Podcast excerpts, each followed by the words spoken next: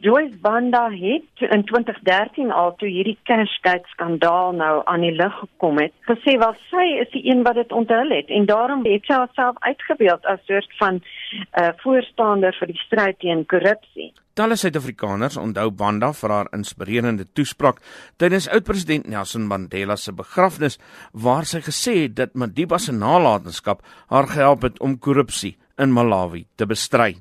I learned that leadership is about falling in love with the people that you serve and the people falling in love with you. It is about serving the people with selflessness, with sacrifice, and with the need to put the common good ahead of personal interest. The day after Madiba passed away, the BBC called Malawi to interview me.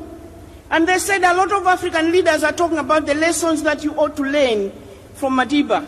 But are you practicing them? Are you doing it? And I said, Yes. Come and see.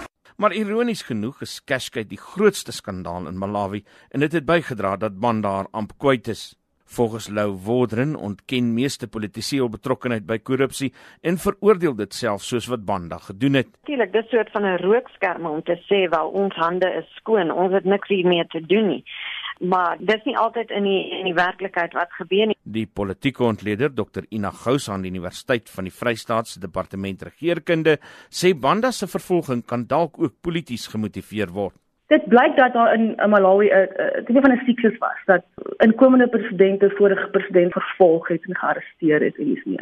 Uit 'n vrees vir enige mag wat hulle dalk nog mag hê en oppositie wat hulle kan doen in die in die nuwe bedeling. Wat interessant is is dat die huidige president nie regtig getoon het dat hy sulke uh, ambisies het nie. Hy het op 'n stadium gesê hy wens Banda wil graag terugkom na Malawi toe dat hulle saam die land kan lei. Hy het dit baie onlangs gesê nie waar dit is. Volgens Lou Wodren word daar werk gemaak van korrupsie in Afrika, maar sy maan ook dat dit nie as nog 'n aanklag teen Afrika gebruik moet word nie. Ja, ek dink dit is onverdig op 'n manier omdat ons weet dat reg oor die wêreld is daar groot korrupsie men lande in Asië en Brasilië kyk wat daar gebeur die staatshoofde is betrokke in Europa selfs in Frankryk as waarvan die presidentskandidaate van die wat nou in hierdie jaar nog gestaan het in die presidentsverkiesing as aangetui aangekla vir korrupsie. Ehm um, die verskil in Afrika is dat die korrupsie van land uit, so daarom sien 'n mens